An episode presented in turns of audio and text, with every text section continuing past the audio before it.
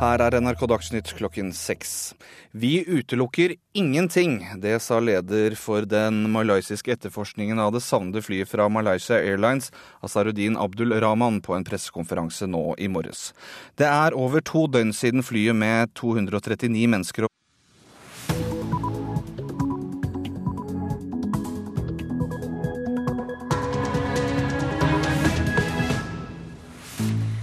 God mandagsmorgen, du hører på Nyhetsmorgen med Anne Jetlund Hansen i studio. Klokka er 6.30 og dette er saker du får mer om den neste halvtimen. Det er fortsatt et mysterium hva som har skjedd med flyet som forsvant på vei fra Kuala Lumpur til Beijing med nesten 250 mennesker om bord.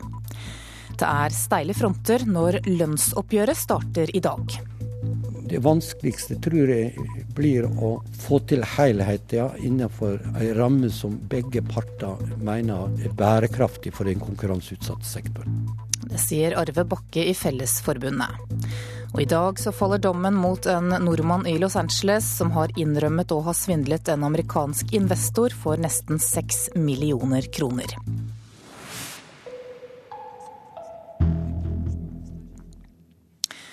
Skal straks til vår korrespondent i Beijing. Aller først skal vi høre at politiet på Gardermoen sjekker sjelden om pass er stjålet. Det skriver Aftenposten i dag.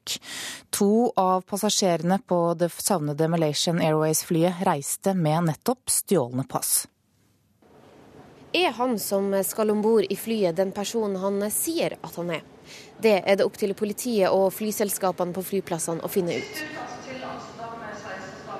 På Gardermoen er det politiet som står for grense- og passkontrollen, men de har ikke rutiner for å sjekke pass opp mot databaser. Det sier teamleder Dagheid Nyland ved Gardermoen politistasjon til Aftenposten.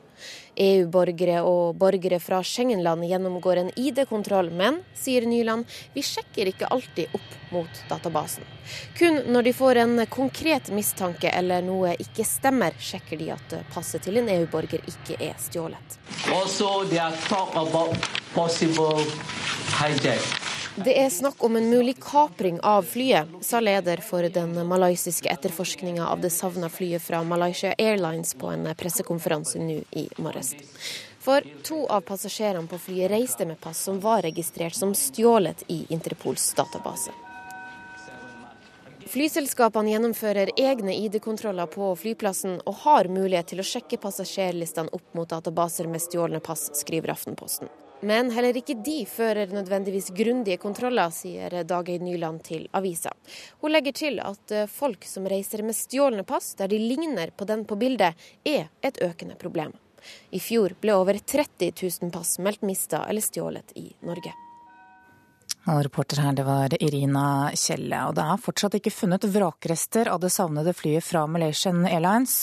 Det er nå over to døgn siden flyet med 239 mennesker om bord forsvant fra radaren på vei fra Kuala Lumpur til Beijing, og det er altså fortsatt ingen bekreftede spor fra flyet. Asia-korrespondent Anders Magnus, eh, malaysiske myndigheter har akkurat holdt en pressekonferanse som vi også hørte litt av i innslaget her. Hva var det siste nye de kunne komme med? Ja, Det var jo det at det ikke var noe nytt. At alle de eh, meldingene som man har hatt tidligere om f.eks. at en dør skal være funnet eh, osv., ikke har gitt noen resultater. Det er ikke det eh, Når man undersøker nærmere, så fins ikke de objektene man trodde man har sett. Eh, det som skjer akkurat nå, er at man tar prøver av eh, den oljen eller bensinen som er funnet eh, i sjøen, og for å se om det samsvarer med den flybensintypen som er brukt om bord i disse flyene. I tillegg så sjekker man identiteten til de to som kom om bord med falske pass. Det er, de sies at de har østasiatisk utseende, og mange stiller spørsmålstegn ved hvorfor de ikke ble grundigere sjekket, i og med at de reiste som henholdsvis italiener og som eh, tysker. Eh, men den identiteten deres vil da sannsynligvis bli kartlagt i løpet av dagen, men de har ennå ikke sagt noe om hvem de er som faktisk reiste om bord på disse flyene. Og Hva gjøres ved siden av nå for å finne flyet eller eventuelle vrakrester? Det er jo en kjempesvær operasjon i gang. Det er åtte åtte land som deltar nå. Det er 40 skip, 34 fly som søker. Samtidig må vi huske på at dette er et enormt eh, stort havområde, og så har de utvidet søkefeltet fordi det, det, det, er noen av radarbildene som tyder på at flyet var eh, på vei tilbake, at det snudde. Og Da må de også undersøke i den retningen, slik at eh, det kan ta eh, svært lang tid før de har fått gjennomsøkt hele området. Men det som er problemet her, er at man mistenker at det har skjedd en eksplosjon i luften siden all kommunikasjon bare brått forsvant. Og da kan flyet ha blitt sprengt i filler i veldig små deler som har sunket, så eh, det kan bli veldig vanskelig å finne noe som helst i det hele tatt. Spørsmålet er om, eh, om man kan finne ferdskriveren. Eh, om den da har flytelegmer, det bør den nok ha. Men det gikk jo to år før man fant den etter Air France-flyet som forulykket utenfor Brasil. Takk skal du ha, Asia-korrespondent Anders Magnus Det skal det handle om lønnsoppgjøret. Ansatte må jobbe mer for å få fleksibilitet på jobben. Det sier direktør Stein Lier Hansen i NHO-foreningen Norsk Industri. I dag starter lønnsoppgjøret, og arbeidsgiverne frykter at alle velferdspermisjonene vi bevilger oss blir for dyre. Det sier Lier Hansen. Ja, Det begynner å bli mange, og det er iallfall viktig at vi får løsninger knytta til hvordan de velferdsordningene skal håndteres, sånn at uh, det skjer på en måte som verken arbeidsgiver eller arbeidstaker taper på. Og Jeg mener jo at det går an å kombinere det, men da må vi ha fleksibilitet, sånn at en, som, en ansatt da, som får fri for å gjennomføre en velferdsordning f.eks. på en onsdag og torsdag, kan ta igjen det tapte arbeidet seinere, uten at det kommer i konflikt med tidsbestemmelser som utløser f.eks. av overtidsgodtgjørelse. De konkurranseutsatte industribedriftene i frontfaget legger rammen for de andre lønnsoppgjørene som kommer senere. Derfor er det så viktig hva LO og NHO blir enige om. Men Unio-leder Anders Folkestad har uansett tenkt å plusse på, fordi kommuneansatte fikk mindre i fjor. Folkestad, når frontfaget er ferdig, så sier du da skal vi legge på. Hvorfor det? Vi er jo spent på hva frontfagsresultatet blir. Bl.a. fordi at de er nå forplikta til å gi en troverdig ramme av det samla frontfaget. Og eh, jeg har sagt at vi skal nå ta igjen det vi tapte i fjor. Og For kommunesektoren sin del så er det om, om lag et halvt prosentpoeng. Det har vært mange skarpe utspill og kommentarer før oppgjøret starter i dag. For det er mye å krangle om. I fjor ble det utbetalt 1120 milliarder kroner i lønn, og med f.eks. 3% tillegg betyr det 33 milliarder kroner mer. Dragkampen om tidelene har derfor stor betydning, og alt i lønnsavtalene er til debatt. Det vanskeligste tror jeg blir å få til helheten innenfor en ramme som begge parter mener er bærekraftig for en konkurranseutsatt sektor. Sier Arve Bakke, som leder de ansatte i Fellesforbundet i LO. LO vil avtalefeste tjenestepensjonene i bedriftene. Det vi har krevd er ikke heving av pensjonene det vi har krevd, er at vi skal forvalte mer effektivt det som bedriftene i dag betaler inn til pensjon til den enkelte, basert på den lovgivninga vi har når det gjelder innskuddspensjon. Men NHO og Norsk Industrisjefen Stein Lier Hansen sier blankt nei. Vårt utgangspunkt er altså at vi ikke har noe å diskutere rundt akkurat når det gjelder pensjon. Norsk Industri sier også at det nå er nødvendig at lønnstilleggene blir på under 3% De viktigste konkurrentene våre havner på rundt 2,1% i årslønnsvekst i snitt. Og Da er det viktig nå for oss å få en utvikling i Norge hvor vi ikke ligger skyhøyt over det som konkurrentene har. og Da må vi se totallet totalt sett i år. Reporter var Hedvig Bjørgum. Jon Hippe, daglig leder ved forskningsstiftelsen Fafo, velkommen. Takk skal du ha. LO krever bl.a. avtalefestet pensjon i private bedrifter. Hvorfor gjør de det? Ja, Det er vel eh, to forskjellige grunner. Det ene er at noen grupper har ganske lave tjenestepensjoner i privat sektor. Det er typisk i privat tjenesteyting, hotell, restaurant, varehandel og sånne ting. Og så er det rett og slett om innflytelse. Dette er jo utsatt lønn. Det er på en måte våre penger. da.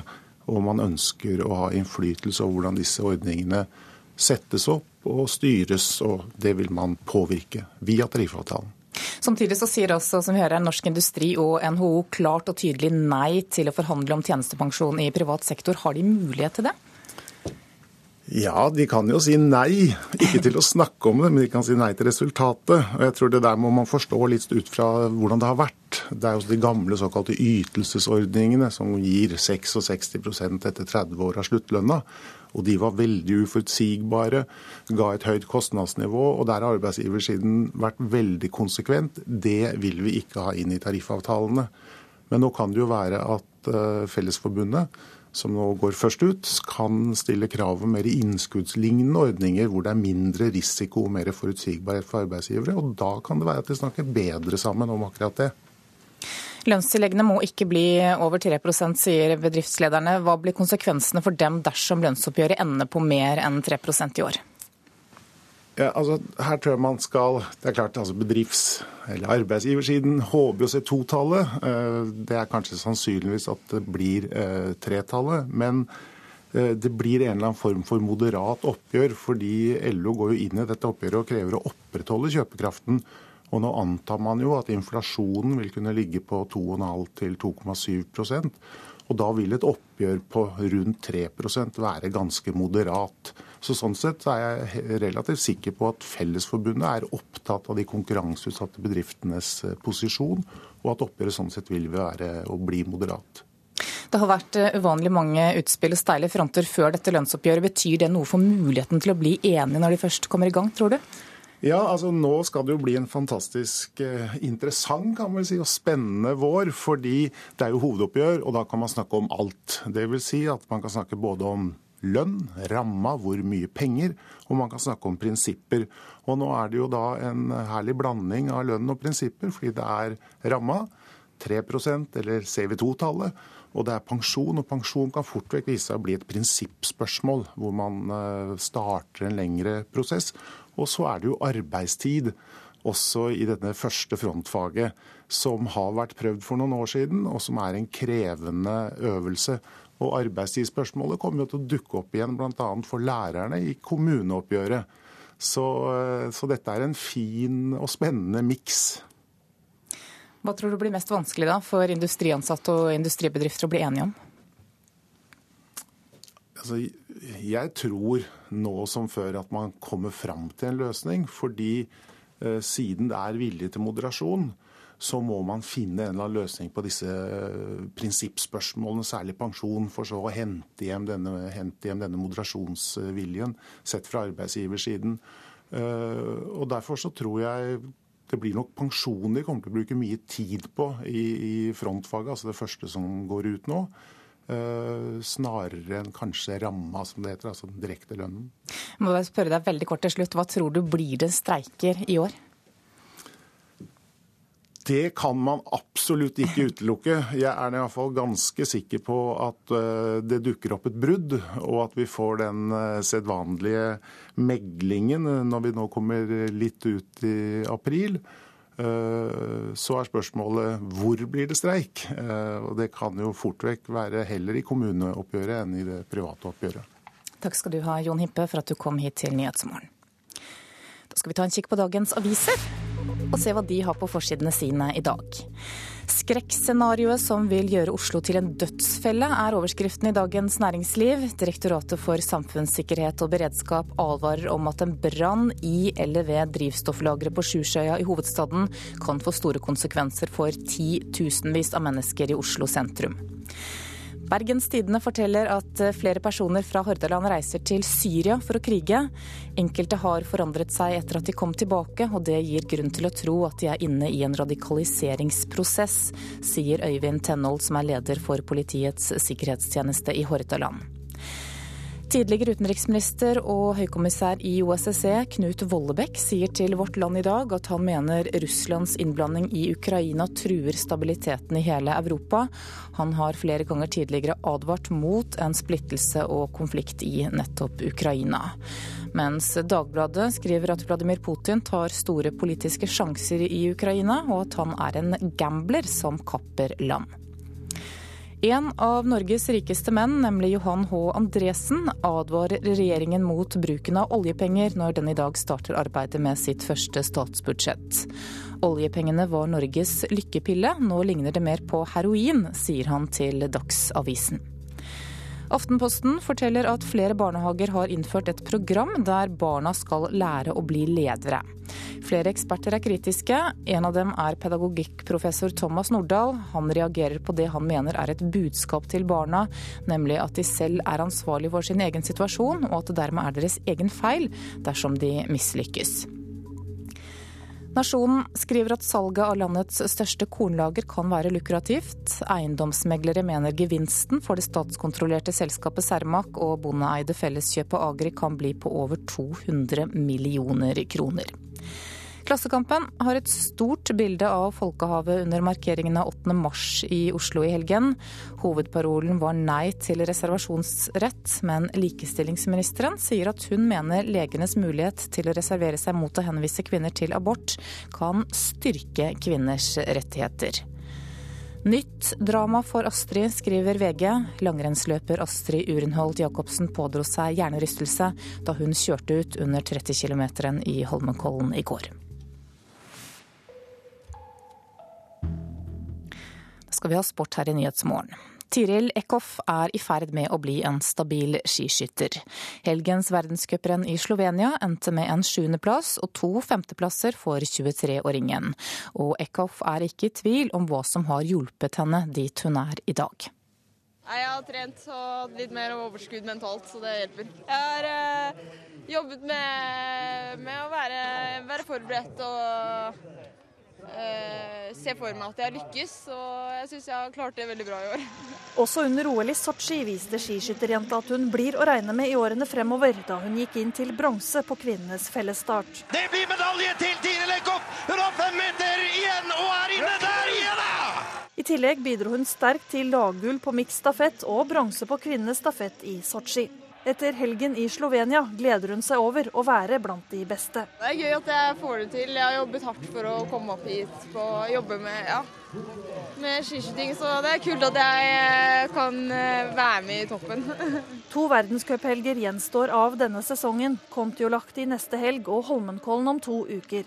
Og det kan bli spennende konkurranser sett med Tiril Eckhoffs øyne. Sesongens målsetting har hun allikevel allerede klart. Jeg har klart eh, målet mitt i år, og det er å eh, være med i OL og altså, få medalje. Det er helt utrolig. Så selvfølgelig en pallplass eh, og være på toppen, det er jo drømmen. Men ja, tiden, time will show. Reporter var Hilde Liengen. Du hører på Nyhetsmorgen nå. Klokka er 6.47 og dette er hovedsakene våre. Det er fortsatt ikke funnet vrakrester av det savnede flyet fra Malaysian Airlines.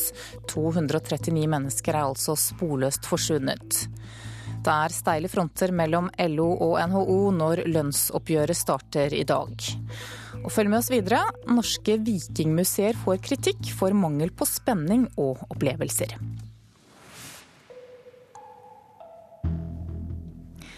Salget av elbiler i Norge kan få store konsekvenser for finansieringen av nye veiprosjekter. På Finnøy i Rogaland så flater nå inntektene fra bompengene ut, til tross for en kraftig økning i trafikken. Årsaken er at 10% av bileierne i kommunen har kjøpt elbil for å kjøre gratis til og fra fastlandet. Og stadig flere nordmenn kjøper elbil for å slippe å betale bomavgift. Bare på Golfen, hvis du skal se på den, så har jeg altså 118 biler nå i bestilling. Fra kontorpulten hos bilforhandler Møller i Stavanger sitter administrerende direktør Jan Olav Fikstvedt og studerer tallene for salg av elbiler så langt i år. Det tar av, det gjør det. Absolutt. 28% av nybilsalget hos Volkswagen-forhandleren så langt i år er elbiler. Nær 200 biler er solgt i løpet av de to første månedene i år. Til sammenligning solgte bilforhandlerne totalt i hele Sør-Rogaland 600 elbiler i hele fjor. Da sa folk er du gal som skal kjøpe elbil, hva tenkte du på? Dette er to-tre år siden. Og i dag så er folk overraska over at en ikke har elbil når du bor her inne. Noen mil unna, på den andre siden av den undersjøiske tunnelen Finnfast, sitter ordfører Gro Skatveit på Finnøy og er bekymret. Hun er også styreleder for bompengeselskapet Finnfast. På få år har antall elbiler på øya steget fra 7 til 130.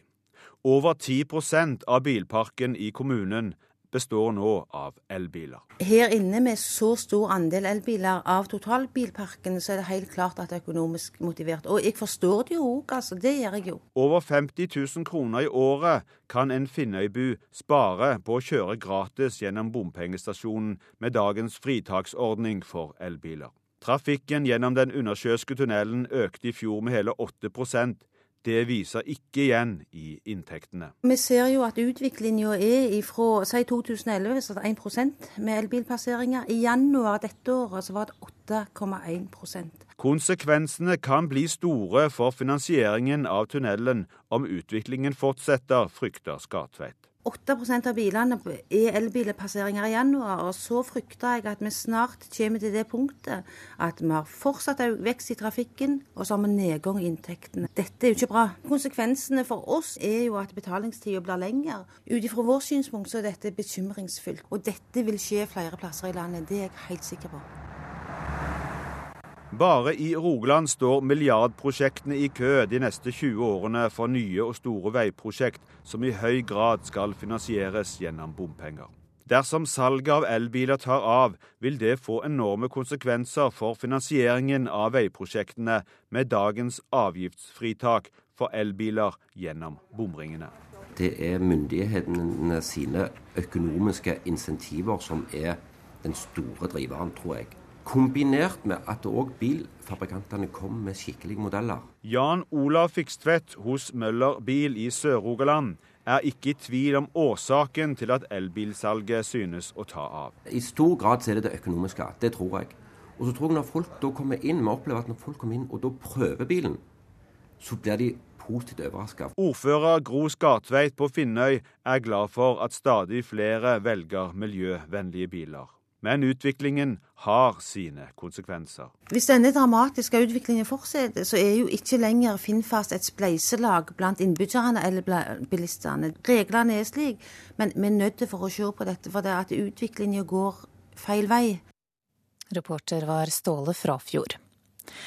Norske Walid Ahmed får i dag sin dom i Los Angeles. 23-åringen har vært varetektsfengslet i ett og et halvt år, og har innrømmet å ha svindlet en amerikansk investor for nesten seks millioner kroner. Ahmed ga seg ut for å ha rettighetene til popidolet Justin Biebers konserter i Skandinavia, men det var ikke tilfellet.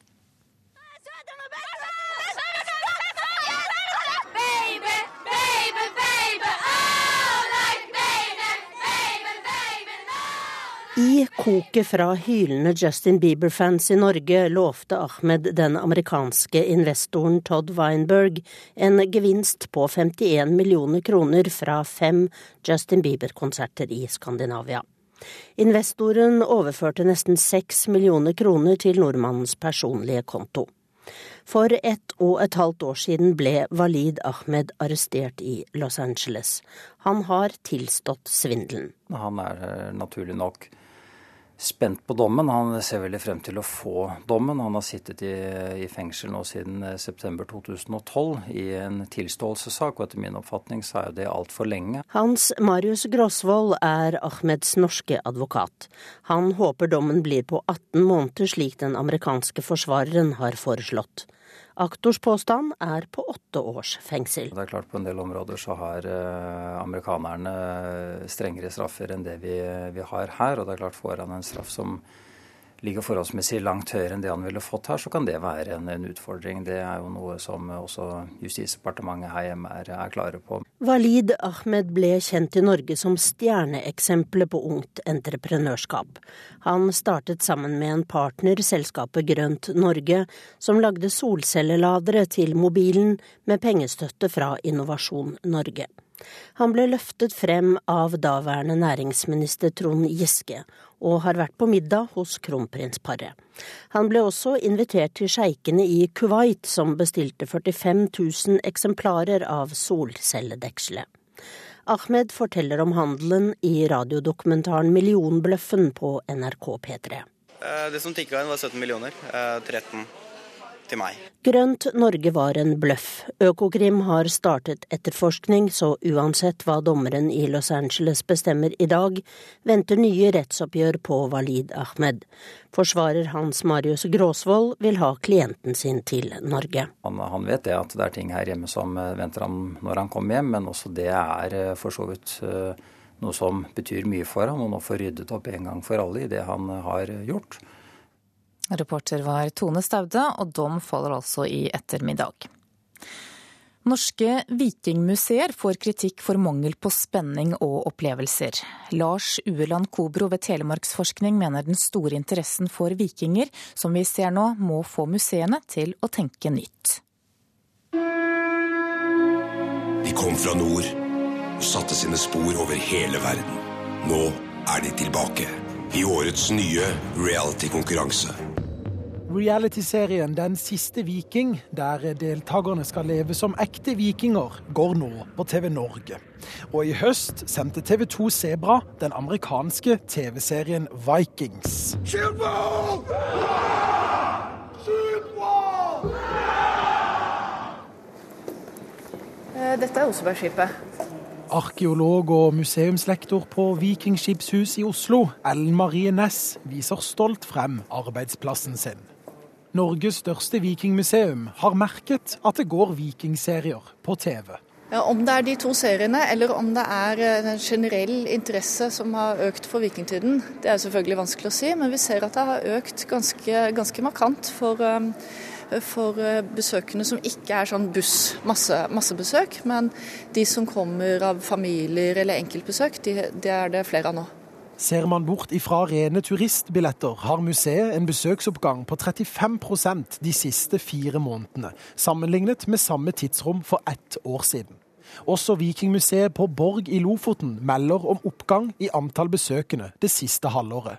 Det jeg er bekymra for, er om publikum går like tilfredse ut som de gikk nysgjerrig inn sier Lars Uland Kobro ved Telemarksforskning, tidligere leder for Midgard historisk senter. Han mener norske vikingmuseer mangler de store opplevelsene. Vi vil oppleve, vi vil, vi vil ro en vikingbåt, vi vil seile et vikingskip. Vi vil smake vikingtidens smaker. Vi vil høre om vikingtidens fortellinger og kanskje leve oss inn i dem på en helt annen måte enn det klassiske museer i Norge har hatt for sånn formidlingsprofil. Og vi ville veldig gjerne gi mer til publikum der. Der er det litt eh, ressursproblemer nå med å, å, gjøre mer aktiviteter. Skulle gjerne ha gjort det. Innrømmer Ness. Kunnskapsdepartementet har i år sendt et bestillingsbrev til Statsbygg om å starte planleggingen av et nytt vikingtidsmuseum på Bygdøy.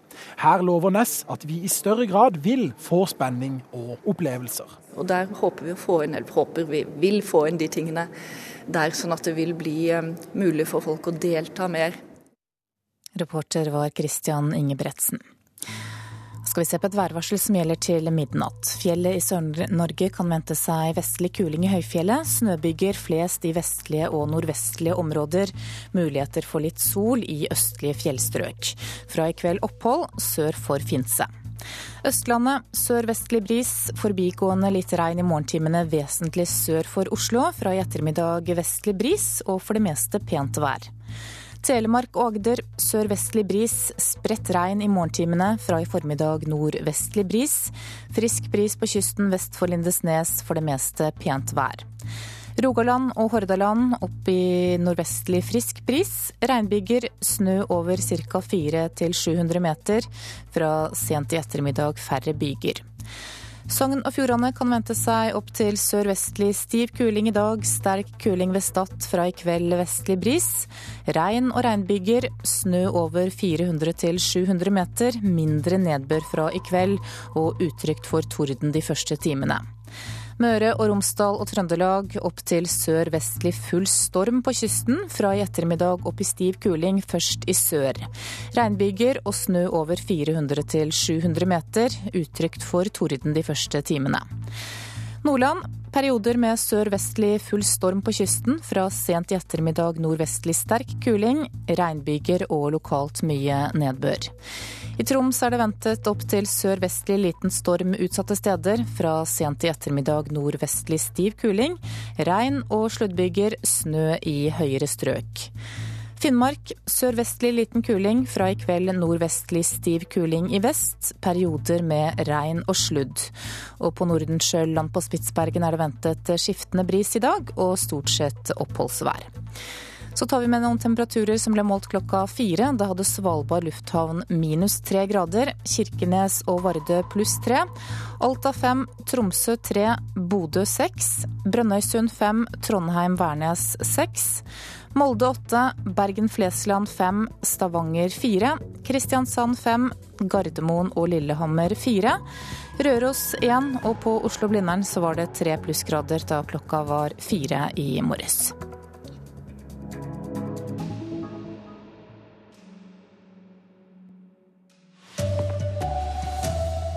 Vi er forbløffet, sier etterforskerne. Fortsatt ingen spor etter det malaysiske flyet. Norske arbeidsgivere frykter at velferdspermisjonene blir for dyre. I dag starter lønnsoppgjøret. Her er NRK Dagsnytt klokken sju. Det er ikke funnet vrakrester av det savnede flyet fra Malaysia Airlines. Det er tidligere meldt om mulige funn, men den malaysiske etterforskningslederen sa på en pressekonferanse i morges at de ikke har funnet noen spor etter flyet. Han sa også at ingenting er utelukket, heller ikke flykapring. Over 20 fly og 40 skip fra sju land leter etter flyet med 239 mennesker om bord og to av passasjerene på det savnede Malaysian Airways-flyet reiste med stjålne pass. Politiet på Gardermoen sjekker sjelden om pass er stjålet. På Gardermoen er det politiet som står for grense- og passkontrollen, men de har ikke rutiner for å sjekke pass opp mot databaser. Det sier teamleder Dagheid Nyland ved Gardermoen politistasjon til Aftenposten. EU-borgere og borgere fra Schengen-land gjennomgår en ID-kontroll, men, sier Nyland, vi sjekker ikke alltid opp mot databasen. Kun når de får en konkret mistanke eller noe ikke stemmer, sjekker de at passet til en EU-borger ikke er stjålet. Flyselskapene gjennomfører egne ID-kontroller på flyplassen og har mulighet til å sjekke passasjerlistene opp mot databaser med stjålne pass. Men heller ikke de fører nødvendigvis grundige kontroller, sier Dageid Nyland til avisa. Og det sa reporter Irina Kjelle. Ansatte må ta igjen tapt arbeidstid for å få fleksibilitet på jobben. Det sier direktør Stein Lier Hansen i NHO-foreningen Norsk Industri. I dag starter lønnsoppgjøret. Arbeidsgiverne frykter at alle velferdspermisjonene vi bevilger oss blir for dyre, sier Lier Hansen. Ja, Det begynner å bli mange, og det er iallfall viktig at vi får løsninger knytta til hvordan de velferdsordningene skal håndteres, sånn at eh, det skjer på en måte som verken arbeidsgiver eller arbeidstaker taper på. Og Jeg mener jo at det går an å kombinere det, men da må vi ha fleksibilitet, sånn at en, som, en ansatt da, som får fri for å gjennomføre en velferdsordning f.eks. på en onsdag-torsdag, kan ta igjen det tapte arbeidet seinere, uten at det kommer i konflikt med tidsbestemmelser som utløser f.eks. av overtidsgodtgjørelse. Sterk vektøkning i overgangsalderen øker risikoen for brystkreft, viser forskning. I en studie med 28 000 kvinner fant forskere ved NTNU at kvinner som hadde lagt på seg like før, under eller etter klimakteriet, hadde økt risiko for brystkreft. Det skriver Adresseavisen i dag. NRK Dagsnytt, Ida Creed.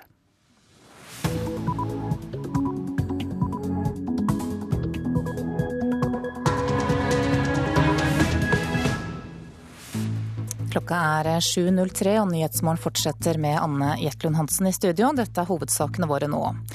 Flyet med 239 passasjerer om bord er fortsatt sporløst forsvunnet. To døgn etter at flyet fra Malaysian Airlines ble borte på vei fra Kuala Lumpur til Beijing.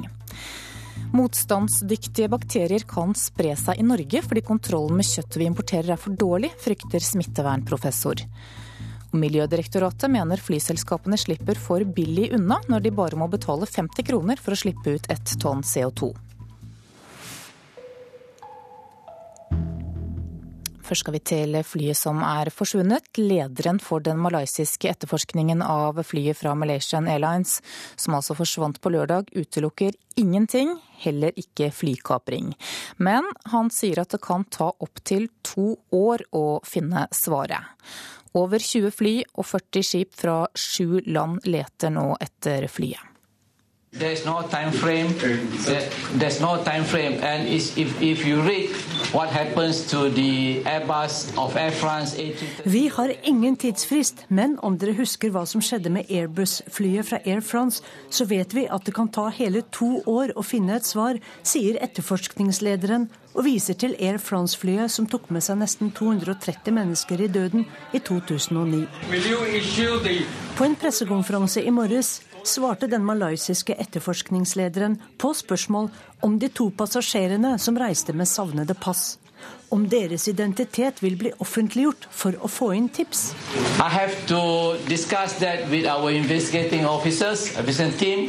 Vi må diskutere dette med etterforskerne, så vi gjør ting riktig, svarte han.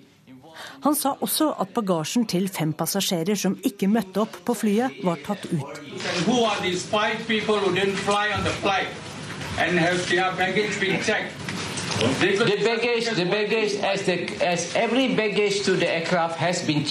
All bagasjen som var sjekket inn, er ren, gjennomsjekket, forsikret den malaysiske etterforskningslederen på pressekonferansen i dag.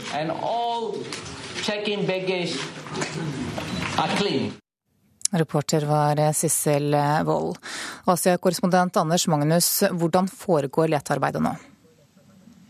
Det er jo en enorm mengde skip eh, og fly som eh, kjører i dette området etter planlagte ruter for å prøve å finne noen eh, gjenstander fra flyet. Eh, men så langt så har de ikke funnet noe. Det er ikke så rart, fordi det er et kjempeområde å søke i. Eh, det, det området er dessuten blitt utvidet etter at man eh, tror at, skip, at, flyet kan ha snudd i luften og vendt tilbake. Derfor har de utvidet søkeområdet i den retningen. Eh, men det er klart at hvis flyet eksploderte i lufta, så er det mindre sannsynlig at man finner større deler, større vrakrester. Eh, og man kan frykte at store deler av flyet allerede har sunket. Er det fanget opp noe som kan ligne på nødmeldinger fra de som var om bord? Ingenting. Eh, og det er jo det som gjør at etterforskerne kanskje heller i retning av at dette er et terrorangrep, eller i hvert fall en eksplosjon om bord i flyet. Det er veldig spesielt at, eh, at fly forsvinner når det er, går i marsjfart eh, i denne høyden også. Det er ingenting som skulle tyde på at det skulle ha noen tekniske problemer i så måte. Så, så, det mest sannsynlige så langt er vel kanskje at det har skjedd en eksplosjon, slik at man ikke har hatt tid til å sende ut eh, nødmeldinger eller å reagere på noen annen måte. Statlige medier i Kina er kritiske både til myndighetene i Malaysia og til flyselskapet for hvordan de har håndtert situasjonen. Hvorfor det? Det er to ting. Eh, for det første pga. behandlingen av passasjerene. Eh, fordi man tok for seint kontakt med passasjerene. Nå har eh, malaysiske myndigheter og flyselskapet kommet på plass i Beijing, hvor de tilbyr inntil fem familiemedlemmer for hver passasjer å komme til Kuala Lumpur, altså hovedstaden i Malaysia. Og de holder nå på å utstede visum til de som ønsker å dra. Eh, men det er mange som sier at de ikke vil dra, de vil heller være i Beijing hvor de har familiene rundt seg. Det andre kritiske punktet er at eh, noen av avisene mener hvis dette har vært en terroraksjon eh, og en eksplosjon, så har sikkerheten vært for dårlig ved flyplassen i Kuala Lumpur. Men det er nok en kritikk som da eventuelt bør rettes mot flyplasser over ganske store deler av kloden, kanskje også de fleste i Kina. For dette er ikke noe uvanlig måte å gjøre det på. Takk skal du ha, Asia-korrespondent Anders Magnus. Og det var alt vi hadde om dette savnede flyet i denne omgang. Manglende kontroll med kjøtt som importeres til Norge kan føre til at motstandsdyktige bakterier sprer seg, det frykter en smittevernprofessor. I USA så tar en av disse motstandsdyktige bakteriene, nemlig MRSA, flere liv enn hiv, lungebetennelse og hjernehinnebetennelse til sammen. Smittevernprofessor Bjørg Marit Andersen mener det haster med å bedre kontrollen av kjøtt som blir importert. Når det er slik at vi ikke kan bruke antibiotika for en pasient som er veldig dårlig, så kan det da gå veldig dårlig med pasienten. Pasienten kan dø. Bjørg Marit Andersen, professor i medisinsk mikrobiologi og ekspert på smittevern, legger ikke skjul på at hun er bekymret. MRSA er gule stafylokokker som har utviklet motstand mot flere typer antibiotika. Den er særlig truende for mennesker som allerede er syke, eller har svekket helse. Til nå har bakterien knapt vært påvist i Norge, men bildet er i ferd med å endre seg. Det har i mange år nå vært en jevn økning i de nordiske land når det gjelder MRSA. Særlig Danmark. Nå fra 2011 til 2012 så var det en sterk økning. Det var 20% økning i løpet av et år. En stadig større utfordring er at bakterien smitter fra dyr til mennesker og det er påvist at dette kan skje også via kjøtt. Og Dette var en ny type som de oppdaga i 2005 i Nederland, blant svinebesetningen der. Og så har den spredd seg til Danmark, og nå begynner den å spre seg til de nordiske land også. Professor Andersen er kritisk til kontrollen med kjøtt som importeres til Norge. Hun mener systemet med systematisk sjekk var bedre før. Dette ble borte. Og eh, nå stoler en på at den som produserer, sitter og produserer en salat i Thailand, eller sitter og produserer lammekjøtt i Spania, at de skal da eh, erklære at dette er ufarlig og smittefritt for oss her i landet. Kristina Landsverk, direktør i Mattilsynet, avviser at import av motstandsdyktige bakterier til Norge via kjøtt er et stort problem. Det importeres veldig lite kjøtt i Norge. Så blir det også tatt stikkprøvekontroll av noe av det kjøttet som kommer fra utlandet. Så jeg mener at det er, er godt kontrollert i dag. Men Mattilsynet vil likevel ta opp kampen mot MRSA, og introduserer i disse dager et storstilt program. I løpet av de neste tre månedene skal tilsynet undersøke over 1000 norske svinebesetninger for de antibiotikaresistente bakteriene. Vi har eh, funnet eh, MRSA i noen eh, norske svinebesetninger. Det er en type bakterie som vi ikke ønsker å ha i norsk husdyrproduksjon. På sitt kontor på Oslo universitetssykehus er professor Andersen likevel bekymret over utviklingen. Det er mye rart som nå blir importert i landet. Vi vet ikke om hva som kommer inn til Norge. Reporter var Hans Christian Hansson. Seniorrådgiver Petter Elstrøm ved Avdeling for infeksjonsovervåkning ved Folkehelseinstituttet, velkommen. Takk, takk. Deler du bekymringen til professor Andersen her? Ikke egentlig eh, hvis vi snakker om import eh, via kjøtt, men eh, import av MRSA via mennesker, det ser vi mye av. På hvilken måte? Ja, dette er bakterier som eh, er eh, i utgangspunktet normale å ha. Så man kan i stor grad ha eh, dette er gullstafylokokker, og gullstafylokokker har vi på huden og i nese og svelg uten at vi nødvendigvis blir syke av det. Og da blir vi lett smittet hvis vi er i miljøer hvor det er mye MRSA, og så drar vi det med oss hjem. Hvilke miljøer er det? Ja, utenfor Norden og utenfor Nederland så er dette veldig vanlige bakterier. Så hvis vi reiser sørover i Europa og østover, så er uh, 20-50 av stafylokokkene resistente mot meteselin. Så du mener at det er et større problem enn kjøttimport, rett og slett? Ja, import via mennesker er et stort problem, og det ser vi øker for hvert år. Hva må til da for å holde denne bakterien ute av Norge i størst mulig grad? Det er veldig vanskelig å hindre import, eller at det hindrer at bakteriene kommer fra utlandet, for smittepresset er så stort. Men eh, det vi har klart hittil, er jo å hindre at disse bakteriene etablerer seg på sykehus og i sykehjem, og eh, spres der i Norge. Og det vi eh, satser stort på nå, gjør en enorm innsats på, er å hindre at spesielle MRSA-stammer etablerer seg i norske svinebesetninger. Fordi det har vist å ha stor betydning for spredning ut til befolkningen. Ikke egentlig via kjøtt. Selv om det kan skje, så så er den risikoen liten. Men, men det, skjer, det, det, skjer, mye smitte fra dyr og til mennesker som jobber med dyra, og så videre ut til deres nærkontakter og ut i befolkningen. Men Hva kan du og jeg gjøre da for å beskytte oss mot denne smitten? Først og fremst helt generell, generell god hygiene, god håndhygiene. Det er det viktigste vi kan gjøre. Eh, på kjøkkenet så er god kjøkkenhygiene også veldig viktig. Men det er mange andre resistente bakterier som i større grad kan smitte via mat enn MRSA. Eh, F.eks. speleholdige bakterier, som vi ser mye av smitta gjennom mat. Ja, Hva er det? Ja, Det er, eh, det er resistensmekanismer som kan sitte på flere typer bakterier. Eh, ofte bakterier som sitter i tarmen, og som vi da kan få forurensning på hendene, og som vi smitter over på mat. Eller som dyra sjøl har i tarm, og som smitter over på mat. F.eks. i kylling. Petter Elstrøm, seniorrådgiver ved Folkehelseinstituttet, takk for at du kom hit til Nyhetsmorgen. Nå er klokka 7.14, og dette er hovedsakene våre. Det er fortsatt et mysterium hva som har skjedd med flyet som forsvant på vei fra Malaysia til Kina med nesten 250 mennesker om bord. Som vi hørte, så er det frykt for at motstandsdyktige bakterier i importert kjøtt sprer seg her i Norge. Og i dag starter lønnsoppgjøret, og frontene mellom LO og NHO er steile.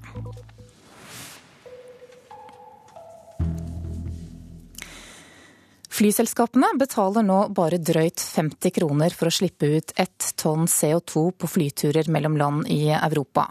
Prisene på de såkalte klimakvotene har sunket kraftig. Samtidig er det ventet at flytrafikken øker kraftig i årene som kommer.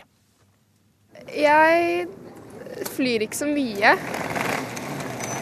Men mange av oss flyr oftere enn før fordi det har blitt så billig. Og særlig utenlandstrafikken øker. Det fører til økte utslipp, som flyselskapene må betale for.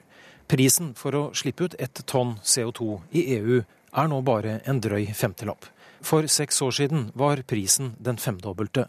Borga Råmås er forsker ved Cicero senter for klimaforskning. Eh, kvotesystemet er veldig bra i utgangspunktet, men så er det en del hull i det sånn som det er i dag. Eh, F.eks. at kvotetaket er satt veldig høyt, så det er plass til veldig store utslipp. Markedet flommer over av ubrukte klimakvoter fra industrien, og dermed faller prisen, og flyselskapene kan shoppe billige utslipp. Ikke heldig, mener direktør for Miljødirektoratet, Ellen Hambro. Det fungerer i hvert fall ikke sånn som vi hadde håpet. Eh, det er ingen tvil om at eh, finanskrisen har gjort at eh, kvoteprisen er veldig lav. Så lav at den i svært liten grad bidrar til å utløse teknologiutvikling som kan gi reduserte utslipp. Flyselskapene på sin side sier de gjør det de kan for å redusere utslippene, uansett om klimakvotene er billige. Tormod Sandstø er kommunikasjonsrådgiver i SAS uavhengig av den prisen som er i dag på klimakvotene, så har vi langt mer ambisiøse miljømål og skal redusere utslipp som går eh, over mye lengre horisont enn akkurat det som er styrt av dagens pris. Norwegian er blant de mest aggressive flyselskapene som øker trafikken mest. Informasjonssjef Lasse Sandaker Nilsen er ikke enig i at klimakvotesystemet fungerer dårlig. Vi mener at det funker fordi at det er rettferdig. Fordi at du må betale for utslipp per passasjer, hvilket gjør at det lønner seg å tenke miljøvennlig. I EU arbeides det for å få opp prisen på klimakvotene, bl.a. ved å redusere antall kvoter som kan kjøpes. Det er jo en politisk prosess på gang på sikte på å senke taket, sånn at kvotesystemet skal bli mer effektivt. Men dette er jo prosesser som tar tid. I mellomtida så flyr vi mer og mer, og det blir mer og mer utslipp. Det hadde vært verre hvis jeg hadde flydd hele tida, men altså Jeg tenker på Nå fikk du meg til å få dårlig samvittighet. Reporter her, det var Lars Håkon Pedersen. Direktør Torbjørn Lote i NHO Luftfart, Luftfart velkommen. Takk. Det var jo delte meninger i innslaget her. Hva syns du eh, om kvotesystemet fra CO2-utslipp fra fly? Hvordan syns du det fungerer? Nei, kvotesystemet er jo et kostnadseffektivt og fornuftig system. Eh, det som er Poenget med kvotesystemet er jo nettopp at man setter tak på utslipp. Eh, og det taket er 95% av det gjennomsnittlige årlige utslippet i perioden 2004 til 2006. Så det er faktisk et ganske ambisiøst tak. Eh, og I den grad flyselskaper trenger mer kvoter, altså flyr mer enn tidligere.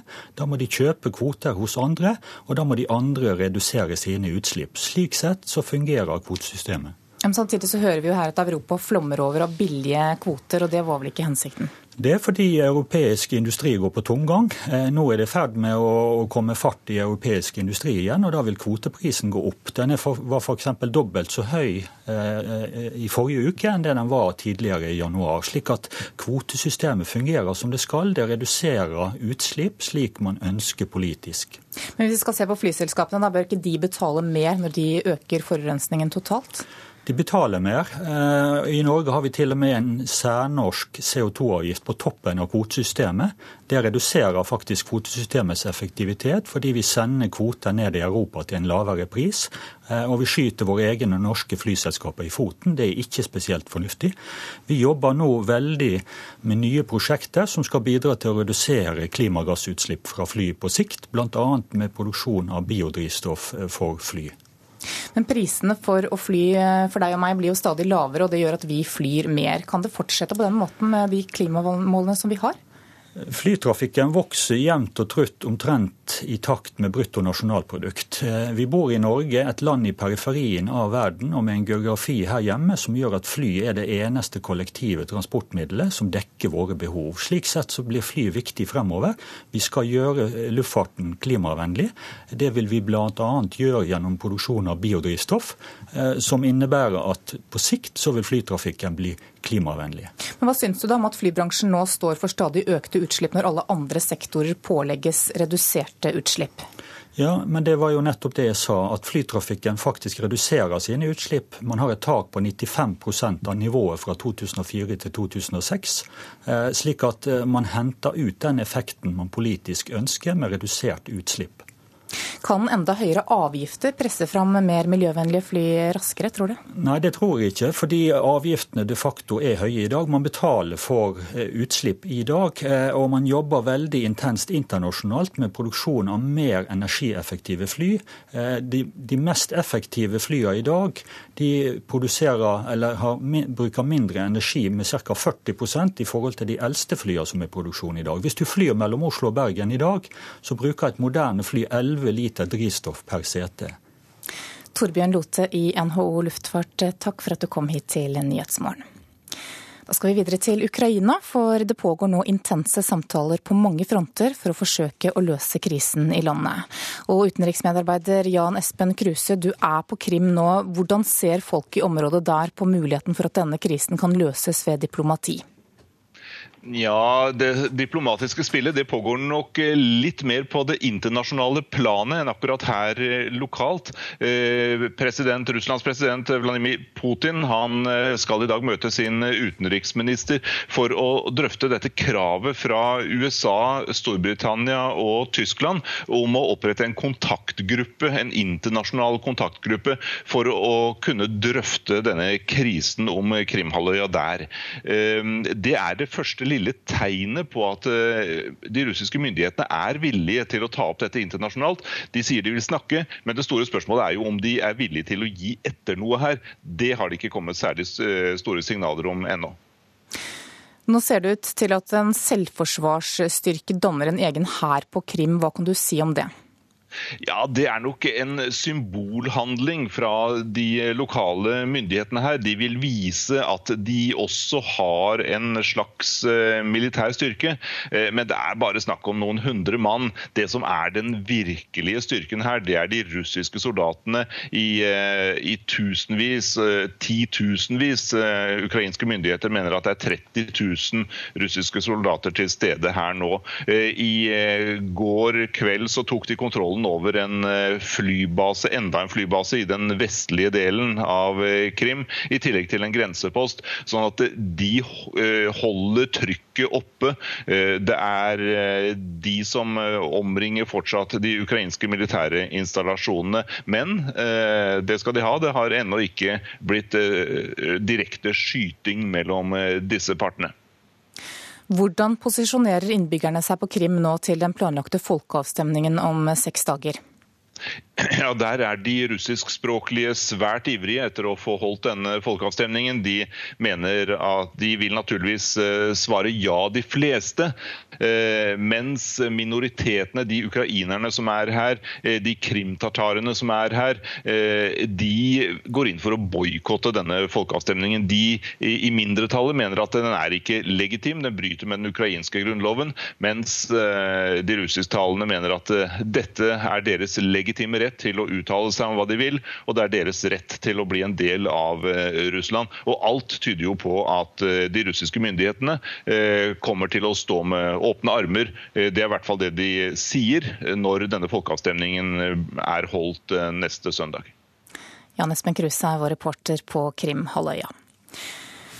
Da skal vi ta en kikk på dagens aviser og se hva de har på forsidene sine i dag. Skrekkscenario som vil gjøre Oslo til en dødsfelle er overskriften i Dagens Næringsliv. Direktoratet for samfunnssikkerhet og beredskap advarer om at en brann i eller ved drivstofflageret på Sjusjøya i hovedstaden kan få store konsekvenser for titusenvis av mennesker i Oslo sentrum. Bergens Tidende forteller at flere personer fra Hordaland reiser til Syria for å krige. Enkelte har forandret seg etter at de kom tilbake, og det gir grunn til å tro at de er inne i en radikaliseringsprosess, sier Øyvind Tenhold, som er leder for Politiets sikkerhetstjeneste i Hordaland. Tidligere utenriksminister og høykommissær i OSSE Knut Vollebekk sier til Vårt Land i dag at han mener Russlands innblanding i Ukraina truer stabiliteten i hele Europa. Han har flere ganger advart mot splittelse og konflikt i nettopp Ukraina. Mens Dagbladet skriver at Vladimir Putin tar store politiske sjanser i Ukraina, og at han er en gambler som kapper land. En av Norges rikeste menn, Johan H. Andresen, advarer regjeringen mot bruken av oljepenger når den i dag starter arbeidet med sitt første statsbudsjett. Oljepengene var Norges lykkepille, nå ligner det mer på heroin, sier han til Dagsavisen. Aftenposten forteller at flere barnehager har innført et program der barna skal lære å bli ledere. Flere eh, eksperter er kritiske, og en av dem er pedagogikkprofessor Thomas Nordahl. Han reagerer på det han mener er budskapet til barna i dette programmet, nemlig at de selv er ansvarlig for sin egen situasjon, og at dermed er deres egen feil dersom de mislykkes. Nasjonen skriver at salget av landets største kornlager kan være lukrativt. Eiendomsmeglere mener gevinsten for det statskontrollerte selskapet Cermaq og bondeeide Felleskjøpet Agri kan bli over 200 millioner kroner. Klassekampen har et stort bilde av folkehavet under markeringen av 8. mars i Oslo i helgen. Hovedparolen var nei til reservasjonsrett, men likestillingsministeren sier at hun mener legenes mulighet til å reservere seg mot å henvise kvinner til abort kan styrke kvinners rettigheter.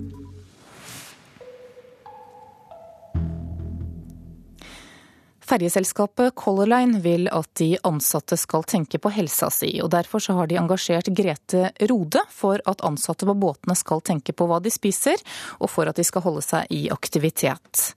En halv time før jobb så var Alexander Svendsen nesten ferdig med treningsøkta da vi møtte ham i styrkerommet på ferja fra Sandefjord til Strømstad.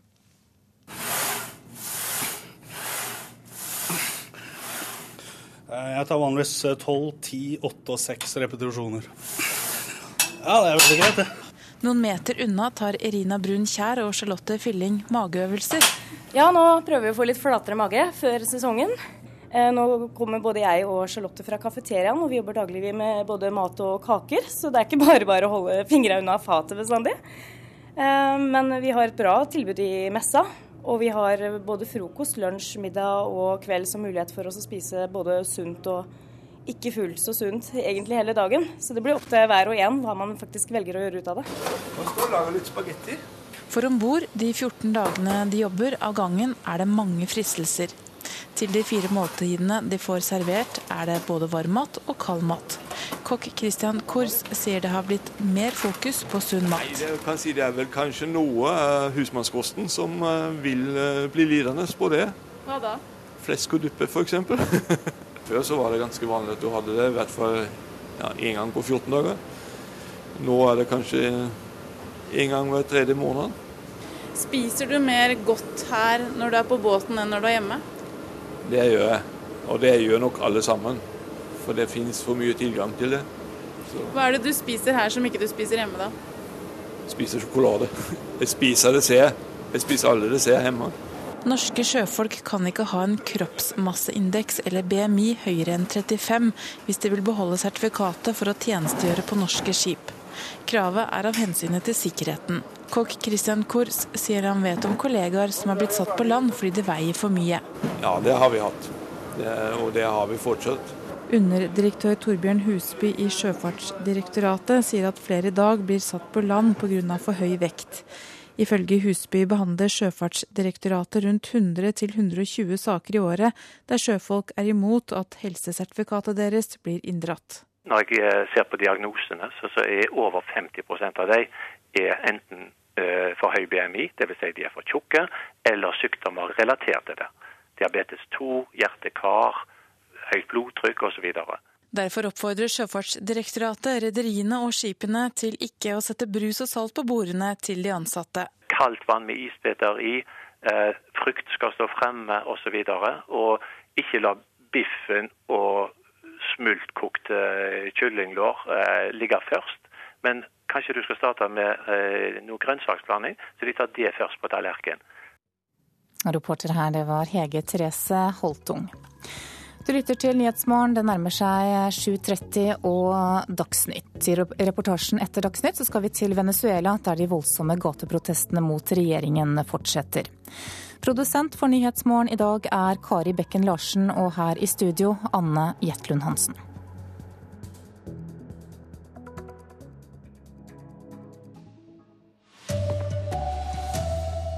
Etterforskerne klør seg i hodet og er forbløffet. Ingen spor etter det savnede flyet fra Malaysia Airlines. Politiet på Gardermoen sjekker sjelden om pass er stjålet. Og hva slags lønn kan du vente deg? Frontene er steile når lønnsoppgjøret starter. Her er NRK Dagsnytt klokken 7.30. Det er et mysterium, det sier lederen for granskningen to døgn etter at flyet fra Malaysia Airlines forsvant på vei fra Kuala Lumpur til Beijing. Det er altså ikke funnet vrakrester, og etterforskningslederen legger ikke skjult på at dette er et vanskelig puslespill. Asia-korrespondent Anders Magnus, hva kom frem på pressekonferansen i morges? Det som kom fram, var at det man trodde eh, at noen hadde sett, en dør fra flyet og andre vrakrester, det viste seg at det var ikke vrakrester allikevel. Man har altså ikke funnet noe som helst, selv om det nå er 40 skip og 34 fly fra åtte nasjoner som søker i området. Eh, men det er et stort havområde som nå også har blitt utvidet fordi at det kan være antydninger om at flyet snudde, så må man også søke i den retningen. Det var eh, to passasjerer eh, som reiste med stjålne europeiske pass. Hva vet vi om eh, de to? Det vi vet er at de hadde såkalt asiatisk utseende, og mange er kritisk til at de dermed ikke ble kontrollert mer grundig, siden de reiste med europeiske pass og europeiske navn. Nå undersøker etterforskningsledelsen overvåkningskameraenes bilder fra den dagen og prøver å bringe på det rene identiteten til disse to, som muligens vil bli offentliggjort senere, kanskje allerede i dag. Takk til deg, Anders Magnus. Politiet på Gardermoen sjekker sjelden om pass er stjålet. Det skriver Aftenposten i dag. To av passasjerene på det savnede Malaysian Airways-flyet reiste altså med stjålne pass. På Oslo lufthavn er det politiet som står for grense- og passkontrollen. Når de vil finne ut om en passasjer er den han utgir seg for å være, kan de sjekke passet hans opp mot Interpols database over stjålne pass. Men det har ikke politiet rutiner for å gjøre. Kun når de får en konkret mistanke om at noe ikke stemmer, sjekker de pass opp mot databasen. Det sier teamleder Dagheid Nyland ved Gardermoen politistasjon til Aftenposten. Also, they are talk about possible hijack. Det er snakk om en mulig kapring av flyet, sa etterforskningslederen for Malaysian Airlines-forsvinninga på en pressekonferanse i dag. To av passasjerene på flyet reiste med stjålne pass, som var registrert hos Interpol. Også flyselskapene har mulighet til å sjekke passasjerlistene opp mot databaser, skriver Aftenposten. Men Dag Eid Nyland sier til avisa at heller ikke de alltid fører grundige kontroller. Reporter her var Irina Kjelle. Syriske regjeringsstyrker begår krigsforbrytelser ved å sulte ut sivile, ifølge Amnesty International. Byen Yarmouk utenfor Damaskus har vært beleiret siden desember 2012, og strømtilførselen ble kuttet i april i fjor. I underkant av 20 000 sivile er fanget uten noen form for fluktvei, ifølge menneskerettighetsorganisasjonen. Folk har ikke spist frukt eller grønnsaker på månedsvis, og familier blir tvunget til å spise hunder og katter. Ansatte bør jobbe inn velferdspermisjonene de får, så jobben blir gjort uten at det blir ekstra dyrt. Det mener direktør Stein Lier Hansen i NHO-foreningen Norsk Industri. I dag starter lønnsoppgjøret. Alle velferdspermisjonene vi bevilger oss er kostbare, sier han. Og Jeg mener jo at det går an å kombinere det, men da må vi ha fleksibilitet, sånn at en, som, en ansatt da, som får fri for å gjennomføre en velferdsordning f.eks. på en onsdag-torsdag, kan ta igjen det tapte arbeidet seinere, uten at det kommer i konflikt med tidsbestemmelser som utløser f.eks. overtidsgodtgjørelse. De konkurranseutsatte industribedriftene i frontfaget legger rammen for de andre lønnsoppgjørene som kommer senere. Derfor er det så viktig hva LO og NHO blir enige om. Og foreløpig er de mest uenige. Det har vært mange skarpe utspill og kommentarer før oppgjøret starter i dag. For det er mye å krangle om. I fjor ble det utbetalt 1120 milliarder kroner i lønn, og med f.eks. 3% tillegg betyr det 33 milliarder kroner mer. Dragkampen om tidelene har derfor stor betydning, og alt i lønnsavtalene er til debatt. Det vanskeligste tror jeg blir å få til helheten innenfor en ramme som begge parter mener er bærekraftig for den konkurranseutsatte sektoren. Sier Arve Bakke, som leder de ansatte i Fellesforbundet i LO. LO vil avtalefeste tjenestepensjonene i bedriftene, men NHO og Norsk Industrisjefen Stein Lier Hansen sier blankt nei. Vårt utgangspunkt er altså at vi ikke har noe å diskutere rundt akkurat når det gjelder pensjon. Norsk Industri sier også at det nå er nødvendig at lønnstilleggene blir på under 3% Det sa reporter Hedvig Bjørgum. Flyselskapene slipper for billig unna når de bare må betale 50 kroner for å slippe ut et helt tonn CO2. Det mener Miljødirektoratet. Flytrafikken ventes å øke kraftig, men prisene på klimakvoter i EU er lave. Jeg vet jo at flyene de slipper å løse masse avgasser, da. så jeg har dårlig samvittighet. Men eh, jeg har lyst til å fly og reise. da. Enda en nordmann på vei til et land langt unna. Det er billigere enn noen gang å fly, og særlig utenlandstrafikken går opp. De økte klimagassutslippene skal flyselskapene betale for gjennom såkalte klimakvoter. Men prisen på disse kvotene har falt mye. Fra 250 kroner per tonn CO2 før finanskrisen, via et bunnivå på bare 25 kroner i 2013, til rundt 50 kroner nå. For billig, sier direktør for Miljødirektoratet, Ellen Hambro. Det fungerer i hvert fall ikke sånn som vi hadde håpet. Eh, det er ingen tvil om at eh, finanskrisen har gjort at eh, kvoteprisen er veldig lav. Så lav at den i svært liten grad bidrar til å utløse teknologiutvikling som kan gi reduserte utslipp. Klimakvotene har altså begrenset økonomisk effekt. EU forsøker nå å øke prisen på CO2-utslipp ved å redusere antall kvoter. I SAS venter man at prisene skal øke, sier kommunikasjonsrådgiver Tormod Sandstø det er en forventning om at klimakvoteprisen skal stige på sikt. Og det er klart at det er med å også gi motivasjon og styrke de langsiktige satsingene på miljø, som vi også jobber med. Først fra 2020 er det varslet en global kvoteordning for CO2-utslipp fra fly i FN-regi. I mellomtida så flyr vi mer og mer, og det blir mer og mer utslipp. Reporter her var Lars Håkon Pedersen. Norske vikingmuseer får kritikk for å mangle spenning og opplevelser. Lars Ueland Kobro ved Telemarksforskning mener museene må tenke nytt, for vikinginteressen er større enn tidligere. De kom fra nord og satte sine spor over hele verden. Reality-serien Den siste viking, der deltakerne skal leve som ekte vikinger, går nå på TV Norge. Og i høst sendte TV 2 Sebra den amerikanske TV-serien Vikings. Norges største vikingmuseum har merket at det går vikingserier på TV. De som kommer av familier eller enkeltbesøk, de, det er det flere av nå. Sier museumslektor på Vikingskipshuset i Oslo, Ellen Marie Næss. Det jeg er eh, bekymra for, er om eh, publikum går like tilfredse ut som de gikk nysgjerrig inn. Sier Lars Ueland Kobro ved Telemarksforskning, tidligere leder for Midgard historisk senter. Han mener norske vikingmuseer mangler de store opplevelsene. Vi vil oppleve, vi vil, vi vil eh, ro en vikingbåt, vi vil seile et vikingskip. Ness innrømmer at de kan bli bedre. Og vi ville veldig gjerne gi mer til publikum der. Der er det litt eh, ressursproblemer nå med å, å gjøre mer aktiviteter. Skulle gjerne ha gjort det. Reporter Christian Ingebretsen. Sport nå i Dagsnytt. Tom Kilde tror ikke han kan redde sesongen med en VM-medalje i skiflygning, men han er på rett vei.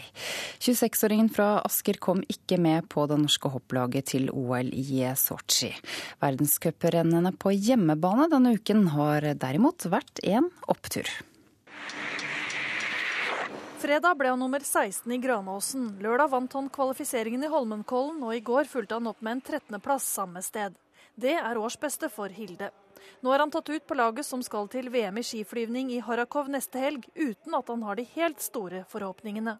Jeg begynner å ha det morsomt i bakken. Det er morsommere å komme på 13.-plass enn å ikke kvalle. og Jeg håper at jeg kan få, få flydd litt og vise meg fram litt. Reporter Hilde Liengen. Ansvarlig for Dagsnytt-sendingene denne morgenen er Bjørn Christian Jacobsen. Teknisk ansvarlig Hans Ole Hummelvold. Jeg heter Ida Creed.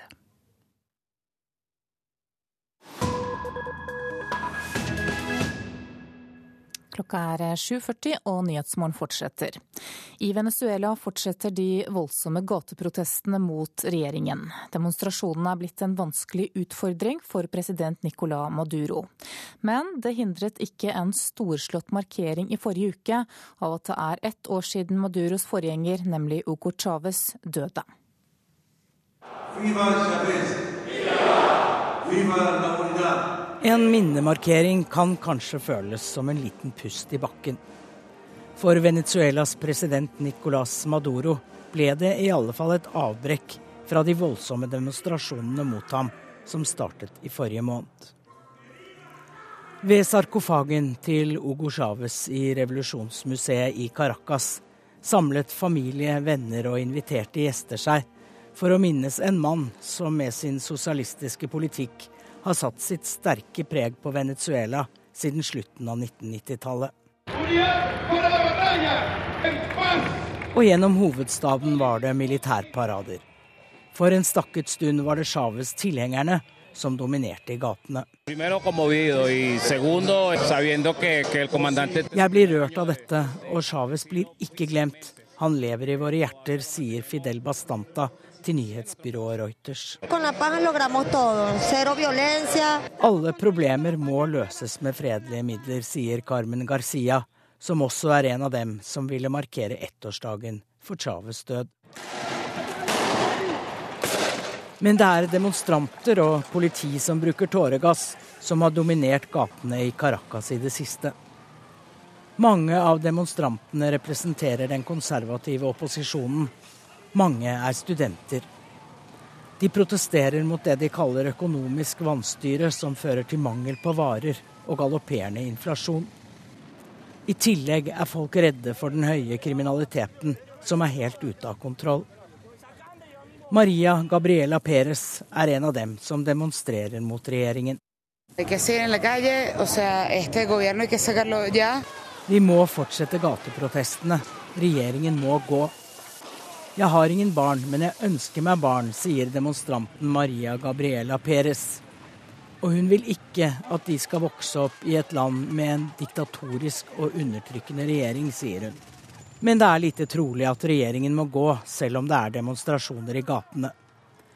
For Nicolas Maduro har ennå relativt bred støtte, selv om han ikke klarer å fylle skoene til sin forgjenger Chávez. Markeringen av ettårsdagen for Chávez død brukte Maduro til å gå ut mot demonstrantene og de som måtte støtte dem.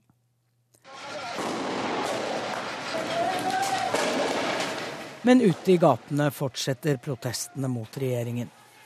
Demonstrantene har gassmasker og kaster stein, mens politiet bruker tåregass. Elisa Besoto, som er gammel Chávez-tilhenger, kan bare fortvile. Vi vil bidra i dette landet, men da trenger vi fred og stabilitet. Nå må det bli slutt på sammenstøtene, sier Elisa Besoto, som sier at Hugo Chávez ikke skulle ha forlatt denne verden så tidlig. Men ønsket hennes om fred blir trolig ikke oppfylt.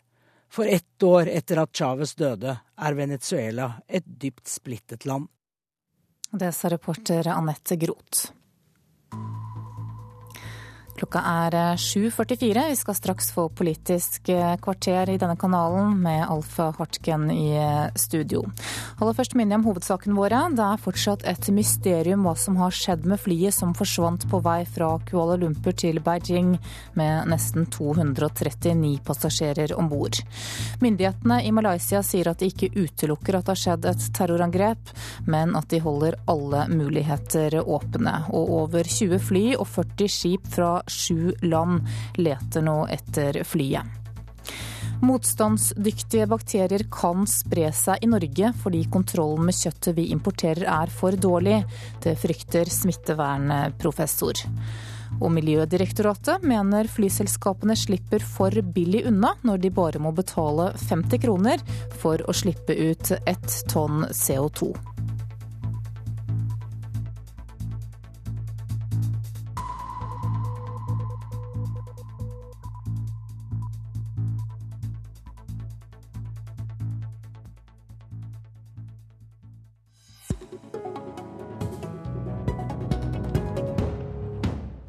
NHO og Fellesforbundet starter lønnsoppgjør, regjeringen starter kampen om budsjettkronene, og opposisjon og regjering krangler om hva Norge egentlig har råd til. Velkommen til Politisk kvarter. Jeg heter Alf Hartken, og i dag handler det om penger. For denne mandagen er statsrådene og deres gode hjelpere på vei til regjeringens første budsjettkonferanse. I dag pakker også lederne i Fellesforbundet og Norsk Industri dokumentmappa og starter årets lønnsoppgjør. Og det mangler ikke på verken gode råd eller advarsler til eh, alle parter. Samtidig så har regjeringens argumentasjon om at gapet mellom veksten i produktiviteten og lønnsnivået her i landet er et stort problem for norsk økonomi, fått Arbeiderpartiledelsen til å reagere. Først er Svein Flåtten, finanspolitisk talsmann for Høyre. Dette gapet mellom produktivitetsvekst og eh, reallønnsutvikling. Hvorfor snakker dere om det? Både når dere snakker om budsjetter og lønnsoppgjør og statsfinanser og hva det skal være. Jo, fordi at det er helt sentralt for utviklingen av uh, norsk uh, økonomi. Vi har et veldig høyt kostnadsnivå. Det kan man bare gå rundt og spørre næringslivet om, så vet man det. Men det er ikke fulgt opp av en tilsvarende økning i veksten i produktivitet. Og over tid så må produktivitetsøkningen og veksten i den må følge utviklingen i reallønnsnivået. Så er denne diskusjonen kommet opp, og så sier Arbeiderpartiet at uh, dette kommer av det gode bytteforholdet med utlandet, altså at prisene har vært høye. Og det er helt riktig. Det har vært høye priser, sånn at bedriftene har tjent mer penger. Men det som er vårt innspill her, er at man har ikke forberedt seg på at f.eks. prisene blir lavere. Hva skjer hvis uh, eksportprisene, oljeprisen blir lavere? Jo, da skjer to ting. Enten må vi sette ned lønningene, eller så må bedriftene gå konkurs. og det er noe vi må forberede oss på. Vi må styrke konkurransekraften vår på sikt, og det må vi gjøre tidlig mens vi har anledning, eller la meg si det sånn, fordi at vi kritiserer den regjeringen som har vært, mens vi har hatt anledning. Det var det som skulle vært gjort gjennom vekstfremmende skattelettelser, gjennom investeringer i infrastruktur, i veier og ikke minst i kunnskap. Nå dro du opp et eh, stort lerret her og sendte ballen ja, rett, rett, over til eh, Marianne Martinsen. Du sitter i finanskomiteen på Stortinget for eh, Eh, for Arbeiderpartiet. Dere mener at regjeringen overdriver betydningen av dette her. Hvorfor det? Så Det Svein Flåtten og Erna Solberg og Siv Jensen faktisk sier, det er jo at de norske lønningene er for høye i forhold til verdiskapninga. Og det har jo alltid vært sånn at når vi skaper verdier, så fordeler vi gevinsten av det mellom eierne av bedriftene og arbeidstakerne. Eh, og det fordelingsforholdet har vært veldig konstant i Norge gjennom eh, mange tiår. Sånn at når, når, vår produktivitet har gått opp, når vi har skapt mer, så har vi fordelt eh, gevinstene av det, og mm. lønningene har steget omtrent tilsvarende. Og Det som har skjedd de siste åra, er jo at vi har hatt denne helt eksepsjonelle utviklinga i bytteforholdet. Det vi selger, Olje, fisk har vi fått veldig gode priser for. Og det vi importerer, elektronikk, sportsutstyr, mm. tekstiler osv., har vært veldig billig. Eh, og så kan man jo godt si at det er flaks for Norge, men det er jo en helt reell gevinst. ikke sant? Det er penger som kommer inn i landet, og som skal fordeles. Og da er det jo helt rimelig at arbeidstakerne tar sin eh, del av det. Men ender du ikke si... da likevel opp med et problem med et veldig høyt lønnsnivå, som, som må følges av en tilsvarende økning i produktiviteten, sånn som Flåtten er inne på? Men jeg mener at Flåtten legger et veldig underlig resonnement til grunn når han hevder at fordi at vi kan få dårlig vær i morgen, så må hele gevinsten ved at vi har godvær nå, tilfalle eierne. For det er det han i realiteten sier. Hvis Svein Flåtten skal tette dette gapet som han påstår er så farlig for Norge, som, og der tar han feil, bare sånn at det er sagt. Dette er helt, jo, men dette er helt ja. opprettholdbart så lenge bytteforholdet er som det er. Mm. Men, men det han, altså, hvis han skal tette det gapet, så er han nødt til å ta lønnsandelen ned. Fordi at en produktivitetsøkning, som vi alle er for, det er flott, selvfølgelig vil følges av at lønningene også øker. Flotten. Dette kan opprettholdes uh, hvis bytteforholdet er som det er, sier uh, Marianne Martinsen. Men det vet vi jo ingenting om. Vi må jo forberede oss på fremtiden. Og Arbeiderpartiet er opptatt av fordelingen mellom arbeid og kapital. Det er også vi.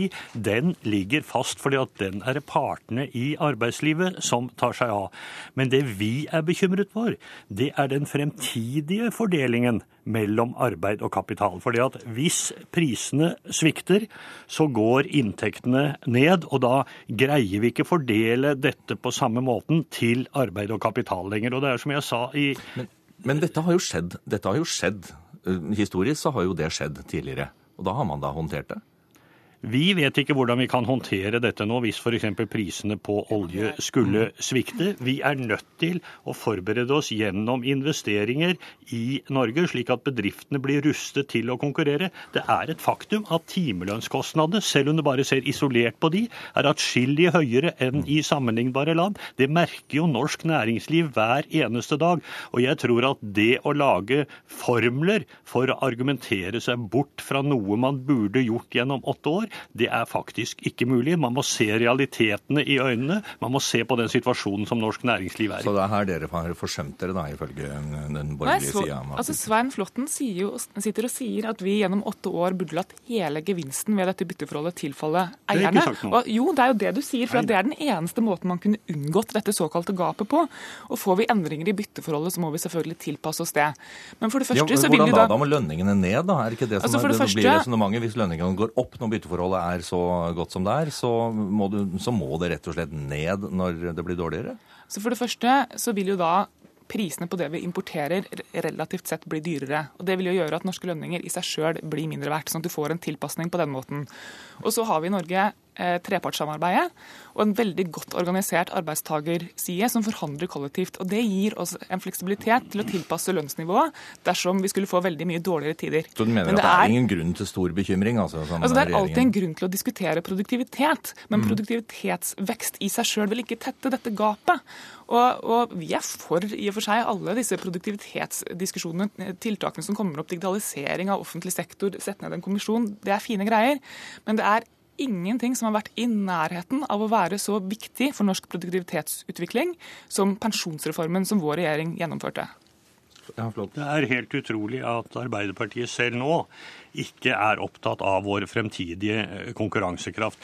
Alle vet at dette med oljen Alle er for produktivitetsvekst, men jeg skjønner ikke hvordan du skal tette dette gapet uten å ta lønnsandelen ned. Kanskje, kanskje han kommer dit? Flott, Hvis jeg bare får lov å snakke ferdig. Altså, det er et faktum at våre timelønnskostnader i Norge er atskillig høyere enn det konkurrentlandene har. Nå er de i ferd med å komme ut av en krise. De vil bli rimeligere, mer effektive, mer konkurransedyktige konkurransedyktige. Da må vi også eh, investere i samfunnet. Dette går ikke på hver enkelt bedrift, det går også på infrastruktur, det går på skattelettelser, det går på investeringer i kunnskap, i forskning. Vi må rett og slett ruste oss, sette oss i stand til å konkurrere også på jo, andre områder. Hvis jeg tolker Martinsen rett her, hvis jeg får lov, så, så er heller ikke Arbeiderpartiet mot produktivitetsvekst. Nei, men det er utmerket. Hvorfor, hvorfor, i all, hvorfor, i all, verden kritiserer de oss for, ja, okay, å, for å gå inn og ville ruste oss for dette her? Jo, men Vi er jo for å diskutere produktivitet. og Vi har jo satt i verk en rekke tiltak for å styrke produktiviteten i norske bedrifter. Men det du sier, er at lønningene er for høye i forhold til verdiskapninga. Det er dere jo, som sier at vi sier at lønningene er, for høye. Den, det er partene i arbeidslivet som tar seg av dette. Det er den eneste fornuftige konklusjonen dersom man skal tette dette såkalte gapet. Du kan ikke tette det nedenfra, for hvis produktiviteten øker og arbeidstakerne skal fortsatt ta mm. samme andel av verdiskapninga, så vil lønningene også øke. Du er nødt til å ta lønnsandelen ned Eh, og la en større, større del av verdiskapninga tilfalle eierne dersom du skal gjøre noe om dette. Og du Men, svarer ikke på det. Ja, prøv igjen, da. Altså, dette har jo også med totaliteten mm. å gjøre. fordi at vi har hatt eh, en veldig lav arbeidsledighet. Veldig mange har vært i jobb. Men hvis dette svikter, så må vi også bake kaken større. og Det betyr at eh, totalen må økes. Flere må komme i jobb. Én ting er at man har et høyt lønnsnivå. Noe annet er at enda flere er i jobb. Og jeg kommer tilbake til dette at Martinsen kommer ikke unna at vi har en svekket konkurransekraft. Hun har ikke nevnt f.eks. tosporsøkonomien med et eneste ord. Vi har en oljeøkonomi som går aldeles utmerket, mens vi har en fastlandsøkonomi som sliter. Og det er nettopp den som er avhengig av produktivitet produktivitetsvekst, og av at konkurransekraften med utlandet opprettholdes. Dette kan man ikke teknisk argumentere seg bort fra. Men vi er alle sammen for å bake kaka så stor som overhodet mulig. Men det vi diskuterer nå, er hvordan vi fordeler den kaka mellom arbeidstakere og eierne. Men, og så, men, ja. og så altså, til, til, påstanden om at produktiviteten at det står så fryktelig dårlig til. For det første så er produktiviteten i Norge veldig høy. Altså Man må skille her på, på nivå, hvor Norge ligger veldig høyt, og på produktivitetsvekst. Og det er klart at, at Gjennom finanskrisa så hadde vi også noe svakere produktivitetsvekst eh, enn det vi har hatt tidligere. Annet fordi at norske bedrifter valgte å holde på arbeidskraften sin istedenfor å sende folk ut i ledighet når ordrebøkene begynte å gå tomme. Det betød noen ting for produktivitetsstatistikken, men for vår evne til å komme oss gjennom den krisa, så har dette vært bra. Det blir mye samfunnsøkonomi eh, her i Politisk kvarter i dag. Men én ting som dere, helt på tampen her, Martinsen, det dere har anklaget regjeringen for gjennom denne argumentasjonen, det er å politisere lønnsoppgjøret. Mm. Er det det de gjør? Det er det omvendte som skjer. Nei, altså Dere legger jo noen premisser inn i debatten i forkant av lønnsoppgjøret her, som, som helt åpenbart plukkes opp av arbeidsgiversida når de nå krever et veldig moderat oppgjør. Så skal jeg være forsiktig med å si noen ting om det i det hele tatt, men, men, det å, men, det å, bruke den type statistikk til å legge feil premisser inn i en diskusjon om norsk reallønnsnivå, det, det ville jeg vært forsiktig med. Altså, hvis, hvis Marianne Martinsen tror at dette er et nytt element for den norske arbeidsgiversiden, at vår konkurransekraft er svekket, da har hun hatt en elendig kontakt med næringslivet i de siste åtte årene. Takk skal dere ha, Svein Flåtten, finanspolitisk talsmann for Høyre, og Marianne Martinsen fra Arbeiderpartiet. Inn i studio så kommer eh, politisk kommentator her i NRK, Magnus eh, Takvam. Uh, holdt på å si. Skal vi starte med denne debatten før vi går videre til lønnsoppgjøret, Takvam? Dette er jo argumenter som vi kommer til å få høre igjen og igjen når regjeringen også når de skal snakke om det budsjettet som de skal legge i dag. Og det starter de altså med så vidt. Ja, det, det, har jo oppstått en, eh, som, som, også denne debatten nettopp var et eksempel på, en eh, diskusjon om produktiviteten eh, i norsk eh, næringsliv de siste årene. Og i forhold til reallønnsveksten. Det gikk igjen på NHOs årskonferanse. Det har gått igjen i forpostfektningene før lønnsoppgjøret, og nå også i forhold til statsbudsjettet, behov for skattelettelser som regjeringen snakker om osv. Og, så og eh, akkurat det å eh, prøve å bake all eh, norsk økonomi inn i denne hovedsammenhengen mellom produktivitetsvekst sammenlignet med andre nasjoner og reallønnsvekst, er, er veldig si, krevende, for den skjuler så mange ulike ting i uh, ulike sektorer i samfunnet. Uh, det er f.eks. ingen tvil om at denne økte arbeidsinnvandringen som vi har hatt i løpet av denne perioden, har påvirket produktiviteten. Tallene viser også at det f.eks. er i privat tjenesteyting eh, som produktivitetsveksten har vært dårligst. Det har vært et sterk, veldig sterkt fall der. Bl.a. fordi barnehagesektoren er kommet inn som en større del av norsk økonomi i løpet av denne tiden. Og der er ikke produktivitet og effektivitet hovedmålet. Ergo så er det vanskelig å bruke mm. denne i alle mulige sammenhenger. Samtidig så har det også blitt brukt, eh, du nevner, eh, du nevner NHOs årskonferanse, det har vært brukt i forkant av det lønnsoppgjøret som da starter eh, i dag. Mm. Og, hvordan ser det bakteppet ut? Er, har de skapt et dårligere klima helt i starten enn det har pleid å være? Ja, altså jeg, det som, Når det gjelder klima i forhold til lønnsoppgjøret, så føler jeg at det er kanskje i offentlig sektor og hele debatten om arbeidstid eh, eh, og, og, reduksjon av lærernes arbeidstid som har vært den mest skal vi si, konfliktfylte saken. Det er også dette med pensjon i eh, privat sektor. Kravet fra Fellesforbundet og, og LO om å få det inn som en avtalefestet del av tariffoppgjøret. Begge disse to tingene er i seg selv krevende ting som har skapt Eh, en viss eh, temperatur. Men jeg tror i eh, det oppgjøret som starter i dag, så er det en felles forståelse mellom arbeidsgivere og arbeidstakere i Fellesforbundet om at vi går litt krevende økonomiske tider i møte, slik at de har en felles forståelse av at det er nødvendig for Norge og arbeidsplassene med et moderat oppgjør. Så moderasjonen og pengene, det blir man, de blir man enige om, er det sånn? Ja, I hvert fall er det mitt tips. Det krevende i dette eh, lønnsoppgjøret som, som kommer nå, er, er, som alle har vært inne på, eh, spørsmålet om pensjon. Mm. Eh, og her har Fellesforbundet, eh, som vi vet, krevd at de skal få eh, medinnflytelse over disse pensjonene, særlig lavtlønnssektoren i privat sektor, der arbeidsgiverne har full styringsrett over pensjonene. De ser det som en del av sin eh, lønn, og dermed vil de ha innflytelse. Det blir vanskelig i oppgjøret. Takk skal du ha, Magnus Takvam. Og både budsjettkonferansen og lønnsoppgjøret, så blir det pressekonferanser nå i formiddag. De kommer vi tilbake til både radio og TV og nett. Jeg heter Alf Hartken. Dette var Politisk kvarter. Hør flere podkaster på nrk.no podkast.